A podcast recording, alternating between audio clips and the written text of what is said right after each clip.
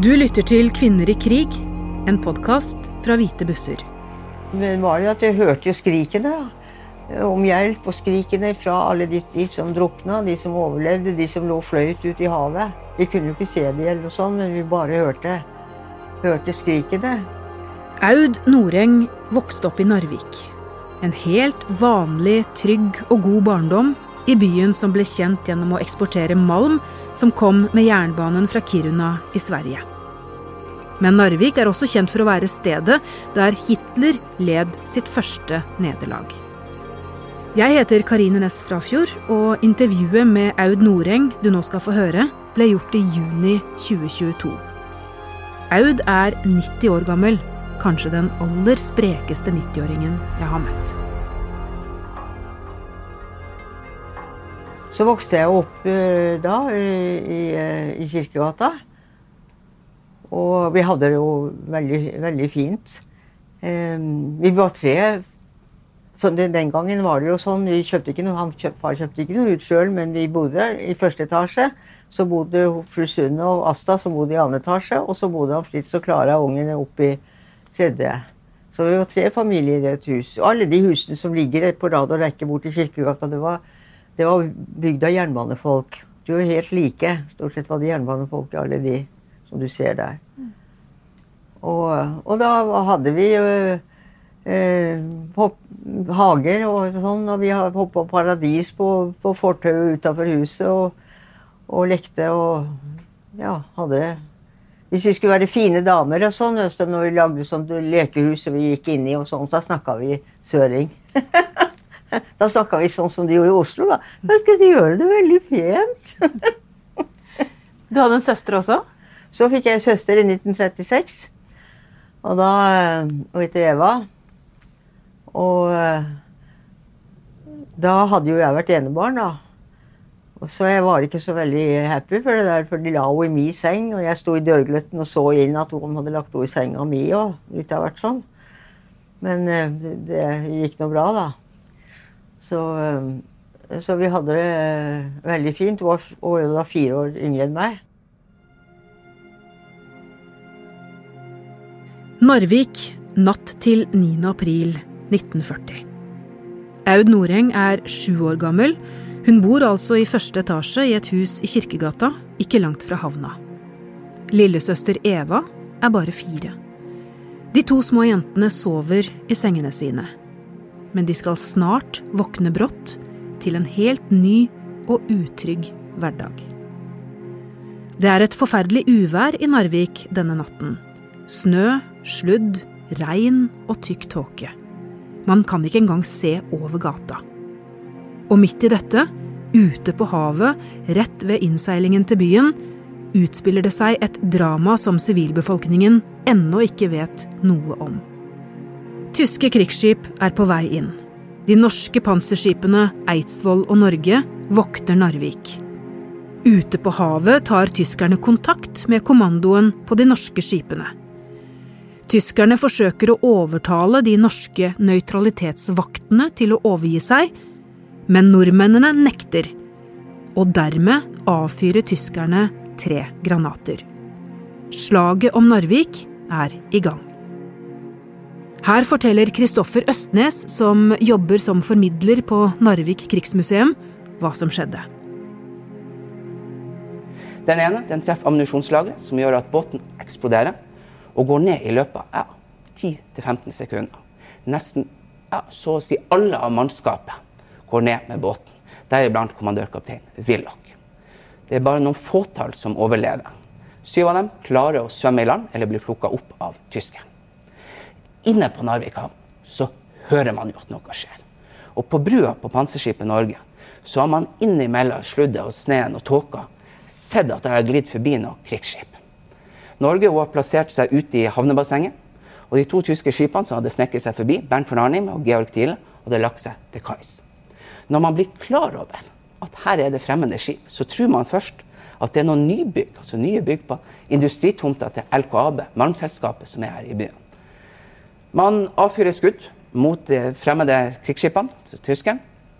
Men de første skuddene fra Norge de detter for nært, så man treffer ikke båten. Og de andre går over.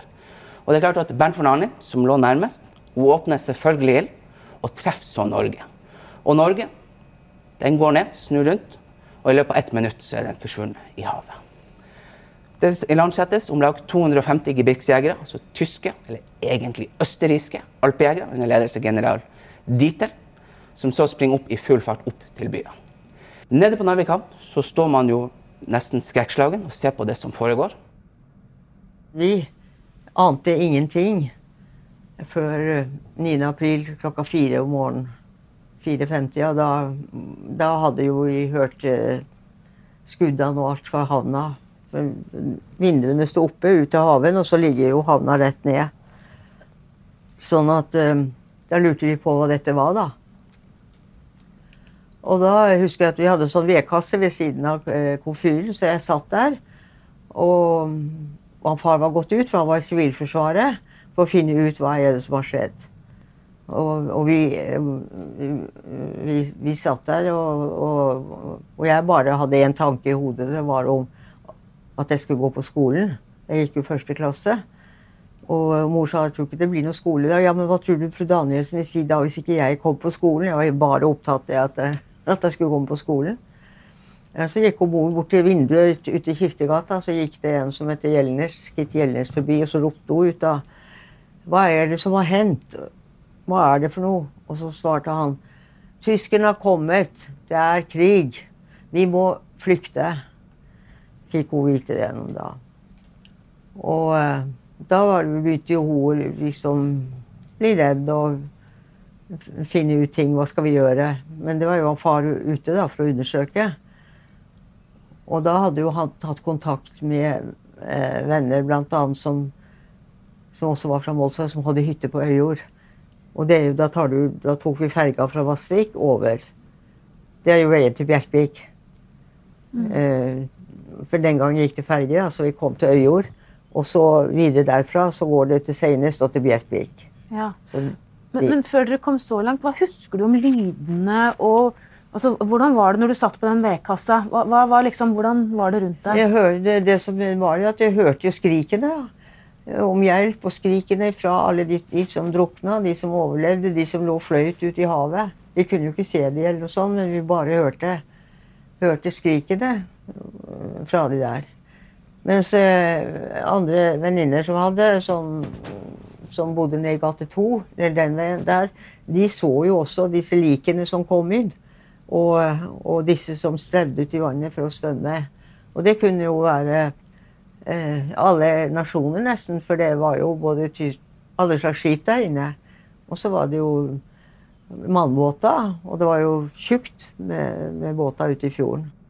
Når panserskipene går ned, så hører man desperate skrik fra havna. Ei som bodde like i nærheten, kunne mange år etterpå fortelle at det hun huska aller best, det var når hun sto med sin mor og så ned på Narvik havn og holdt henne i handa og hørte de desperate skrikene etter nordmennene som lå inne i havnebassenget. Stort sett så var de som tjenestegjorde på båtene, unntatt offiserene, en plass mellom 15 og 21 år. Og det hun kunne høre, og det hun fortsatt hørte den dag i dag, når hun så bilder der inne fra hodet, det var ropene. De desperate gutteskrikene som ropte 'Herregud, mamma! Mamma, hvor er du? Mor, du må hjelpe meg! Hvor blir du av? Gud, hvor er du?' Det her går ikke bra. Mamma, vær så snill. Du er nødt til å hjelpe meg. Og det satt fortsatt. Og etter hvert som hun forteller, så forsvant skrikene én etter én. Og matrosene og sjøfolkene drukna inne på Narvik havnebasseng i blod og olje som fylte hele området. Og mange år etterpå så lå det fortsatt et godt lag med olje igjen inne i havnebassenget. Den morgenen så dør det 282 norske sjøfolk med panserskipene inne på Narvik havn og like utover med panserskipet Eidsvoll. Om morgenen 9. april, når gebirksjegerne kommer opp og inn i byen, så er jo folk stått opp, de er blitt vekket av de her smellene og skjønner egentlig ikke hva som foregår. Ganske mange de trekker den ut på gata for å skal finne ut av hva er det som skjer. Og etter hvert som tyskerne går opp Kongens gate, så det er flere som står i pysjamaser, frakker, og egentlig bare hever på seg og står og ser på tyskeren og lurer noe veldig på hva er det her? For det er ikke mange av de som har sett soldater. Det går litt tid etter at byen er overgitt, så skjønner man at her er det tyskere som er kommet. Og mange de ønsker å komme seg ut av byen. Narvik var ikke som i dag, at du hadde flere bruer, at det var lett å komme seg bort. Man hadde jernbanen til Sverige, som gikk på Nordsjøbyen, og så kunne man ferde inn til Beisfjorden, som var veia. Ellers så måtte man bruke ferge. Så en god del forsøker å komme seg over med fergen til Øyjord og Seines, nord av byen. En del flykter inn mot Beisfjorden, hvor de har hytte. Og noen andre tar også toget. Det går to tog fra Narvik den 9. april. Så skal det gå ganske mange uker før det begynner å gå tog igjen. Det bor rundt 10 000 mennesker i Narvik når krigen bryter ut. Noen blir igjen, men når kampene er over to måneder senere, regner man med at det bare er ca. 300-400 mennesker igjen i Narvik. Resten har flyktet. Aud, lillesøster Eva og moren rømte ut av byen sammen med mange andre. De fikk bare med seg to kofferter og en blå brødboks. Aud sin far hadde sørget for at familien kunne søke tilflukt i en hytte på Øyjord. Da begynte de å, å, pakke, og da var det jo om å gjøre eh, Hva skulle vi ha med, da? Og det var ikke så mye vi fikk, men vi hadde én stor koffert eh, som de hadde lagt en del ting nedi, og så hadde vi en, en liten. Og så hadde jeg ei dukke Eh, sånn, sånn tøydukke vet du, med sånn stort ansikt og sånn. Hun var blå, lysblå, og Eva hadde en bamse. Eh, og far hadde bil. Han hadde en sånn eh, Citroën. En veldig fin bil vet du, med sånt hjul bak som tyske offiserer elska. Og den bilen, den, den kjørte jo han med oss ned. Og så ble vi stående på på Vassvikkaia, for der var det jo kø, da, folk som skulle over med ferga. For da var det mange som flykta den natta? Ja, ja, alle. Nesten alle i Narvik flykta da. Til forskjellige steder. Du kan si Vi dro til Øyjord, kom til den hytta. Alle som hadde hytter, dro til hyttene sine enten på Bjørnefjell eller ved sjøen eller rundt omkring. For stort sett så har det veldig Narvik-folk har det enten, enten har de hytte på fjellet og ved sjøen, begge deler, eller de har det på fjellet eller sjøen. Så de flytta den, og mange flykta jo opp på fjellet. Noen inn til Beisfjorden. Eh, og det var dit han far kjørte Når han kom tilbake igjen, så begynte han å kjøre flyktninger inn til Beisfjorden.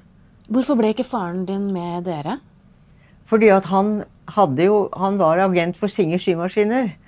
Og hadde jo butikken, eller den butikken vi hadde, det hadde vi i Kirkegata. Hadde sånn stort skilt med Singer på, på der. Og eh, måtte jo tilbake for å passe på huset. Når han kom tilbake, hadde kjørt oss over, da hadde tyskerne flytta inn. Allerede samme dag? Ja. Så da han kom tilbake, da tyskerne flytta inn, og, og, de bare tok seg til rette. Sengene var nesten varme, egentlig? Ja. ja. Sånn at eh, at Han fortalte ikke så mye, han fortalte en del av det som foregikk. Fordi de, han hadde jo Vi hadde sånn singerstue, blant annet som man kalte sånn, Vi hadde to stuer. Og så, Den ene lå Eva her på, den andre var sånn skyvedør. Og det var sånn stue pluss kontor og forskjellige sånne ting. da. Så hadde han jo ute i entreen singersaker, vet du, tråd og alle mulige som du bruker til symaskiner. Og det var bare de henta, de. Og så plutselig en dag så var strykejernet borte. Og det er en av de som jeg bruker å fortelle, altså for det er litt vittig. da, så Far gikk til dem, og han kunne jo ikke tysk, men han greide liksom på en måte å få sagt det. Han var ganske stor, så er litt bøs mann. Så han var til den og sa, mister dem liksom, sa 'Den strykejern'. Hvor er den strykejern? Og, og vi var ikke sikre på. Så sprang de ut, og så, og så sprang de i huset ved siden av. Og så kom de tilbake. 'Er det den strykejern?' Nei, sa han far, det er ikke den. Da fløy de ut. Da hadde, bare på den korte tida de greid å, å flytte det strykejernet inn i et annet hus lenger bort. Og til slutt så Far ga seg ikke. han, De skulle se og finne strykejernet, for de kunne ha det i lag, sa han. Hvis de skulle stryke skjorter. Til slutt så kom den tilbake. Er det den strykejern? Ja, det er den strykejern, som far. Og da, da, ble det der. Jeg tror vi, vi det står et eller annet sted ennå. Og så hadde vi jo kjøpt nye gulvtepper da, som jeg la på gulvet før krigen. Og når far kom hjem, så gikk jo tyskerne med trampa med støvlene sine. Og så var de, var de, borte en dag, og så da tok han far og rulla sammen gulvteppene og satte de bort. Når han var han eh, ute på jobb og ute og kom tilbake igjen. Da hadde tyskerne tatt rulletaupene ned, rulla de ut og lagt de på igjen. Så far din bodde i huset sammen med tyskerne? Ja. Han ble ikke kastet ut, altså? Nei da, de bodde sammen. Imens Auds far bor hjemme og må dele leiligheten sin med fienden som hadde flyttet inn, søker Aud, lillesøster Eva og moren tilflukt i en hytte på Øyjord utenfor Narvik sammen med mange andre familier. 20 mennesker bodde i den lille hytta i over en måned. Derfra flyktet de videre til besteforeldrene på Grytøya utenfor Harstad. Det skal gå ett år før Aud ser faren igjen. Hun vet ikke om han lever eller er død. Vi hadde ingen kontakt med han far før påsken 1941. 41. Da kom han far en tur utover. Det var påske, så da har vi bilder hvor vi står på ski, da. Eh, han og de andre. Og, og, da var vi lykkelige, for da var han far kommet, og da står vi, har vi bilde av oss fra det. Det har jeg fra mobilen. Dere hadde ikke sett ham på et år? Nei. Vi visste ikke om han levde. Og han visste, ikke om, ja, han visste jo at vi var kommet, så noe tegn fikk han jo sikkert ifra båta som kom inn, eller noe sånt. da, eh, til, til, Narvik. Men, eh, men, vi visste ikke noe om han. Hvordan var det? Nei, Det var jo fryktelig. To og et halvt år etter at de brått måtte flykte fra hjemmet sitt, kom Aud, Eva og moren tilbake til Narvik. Tyskere hadde flyttet inn og bodd i leiligheten helt siden krigsutbruddet, og det var trangt i den lille leiligheten. Det var helt vanlig å måtte bo sammen med fienden i Narvik under krigen. Det var jo veldig spesielt, da, for de hadde denne singerstua som vi har. Og, og Eva lå jo på stua ved siden av. Mora og far hadde soverommet. Og eh, hvor, hvor, mange var de? Mm. Hvor mange tyskere var det? Ja, Det husker jeg ikke. men jeg tror ikke det var, det var ikke at det kunne være to eller tre. Mm. Men det som skjedde da, litt senere, etter at vi kom til hjem, da var det at de tyskerne flytta ut. Men det flyttet inn norske eh, damer som jobbet for tyskerne på gamlehjemmet. Gamlehjemmet lå i enden av Kirkegata, eller der vi bodde. Og det hadde jo tyskerne tatt av. Disse ble installert inn i den singerstua. Jeg tror det var to stykker. Og, eh, og det betydde jo da at disse For de var kjærester med tyske soldater. Og det betydde at de tyske soldatene de kom til Og det var port. Vi hadde port og gjerde. Slik at eh, det var sti fra porten og til vinduet. Det stuevinduet hvor de kom og banka på. Og de slapp de inn. Og der lå jeg, var jeg ved siden av. Eh, det var verre. Det var verre enn det med å ha de tyske som var der. Å være en liten jente i Narvik under okkupasjonen var skremmende. Skummelt. Aud var ofte redd, og husker det godt. Over 80 år senere. Da hadde vi hadde redselen i oss hele tida. Og når du da eh, er et engstelig barn som er redd hele tida, så, så kan jeg ikke si at jeg at jeg har noe sånn direkte gode minner. For du hadde det hele tiden i deg? liksom, At ja. det var farlig, det var krig? Ja. ja. Og, at, og, at, jeg var redd eh, og engstelig.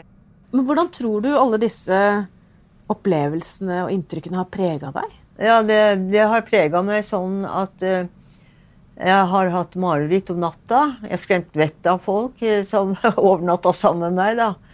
Fordi at jeg skriker og, og kommer med lyder. Og eh, folk vekker meg liksom, og sier hva er det for noen ting? Og da er jeg midt i et eller annet dramatisk.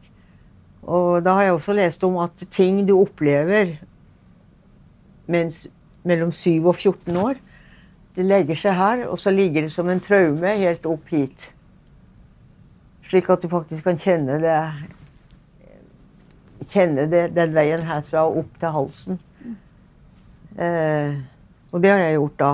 Sånn at jeg har, har, jeg har liksom levd med, med, det som Jeg opplevde også fordi at jeg var så redd. Eh, på engstelig. Jeg ville helst sitte på fanget og mor og far sett noen bilder fra, fra øya. Vært der at jeg ser livredd ut. og så var eneste trygge det var når far var der, og han kunne løfte opp og holde meg oppe. Og så etterpå så ble vi jo alene, mor og Eva og jeg. vet du, Vi hadde ikke den tryggheten som andre som hadde med seg fedrene. Det ble litt forskjell på det. Så liksom, du lurer på hvorfor ikke kan far med oss da, når de er med, eller noe sånt. Men det ble noe sånn, da. 8. mai 1945 er krigen over. Mens Norge var i fredsrus og folk flagget, sang og feiret et fritt land, var det helt stille i gatene i Narvik. Det vi husker, det er at vi var på skolen. Og så kommer datteren til eh, fru Danielsen inn og sier mamma, det er blitt fred, det er fred. Og, og, og hun sier, fru Danielsen sier det at små piker, det er fred, dere må gå hjem. Men dere må ikke stoppe og ikke snakke med noen tyskere. Ikke snakke med noen. Gå rett hjem. Og det gjorde vi. For det var så mye tyskere i Narvik. Det var like mye tyskere som det var andre folk. vet du. De var jo i alle husene og alle steder. Så vi gikk rett hjem. Og når vi ser bilder her nede fra Karl Johan og alle steder i Norge hvor de er i biler og kjører rundt, så var Narvik en stille by. Og det sier han Kristoffer òg. Det som han har forsket på der. Narvik 8. mai 1945 var en stille by. Du har hørt Aud Noreng i 'Kvinner i krig'. En podkast fra Hvite busser støttet av stiftelsen Fritt Ord og Bergesen-stiftelsen, og produsert av Frafjord Media. Takk til Kristoffer Østnes og Narviksenteret Krigsmuseet i Narvik for god hjelp. Dette intervjuet ble tatt opp i 2022 som et ledd i Hvite bussers arbeid for å bevare tidsvitnenes historier for ettertiden. Lyddesign er ved Frode Ytterarne. Jeg heter Karine Næss Frafjord. Takk for at du hører på og holder historien levende.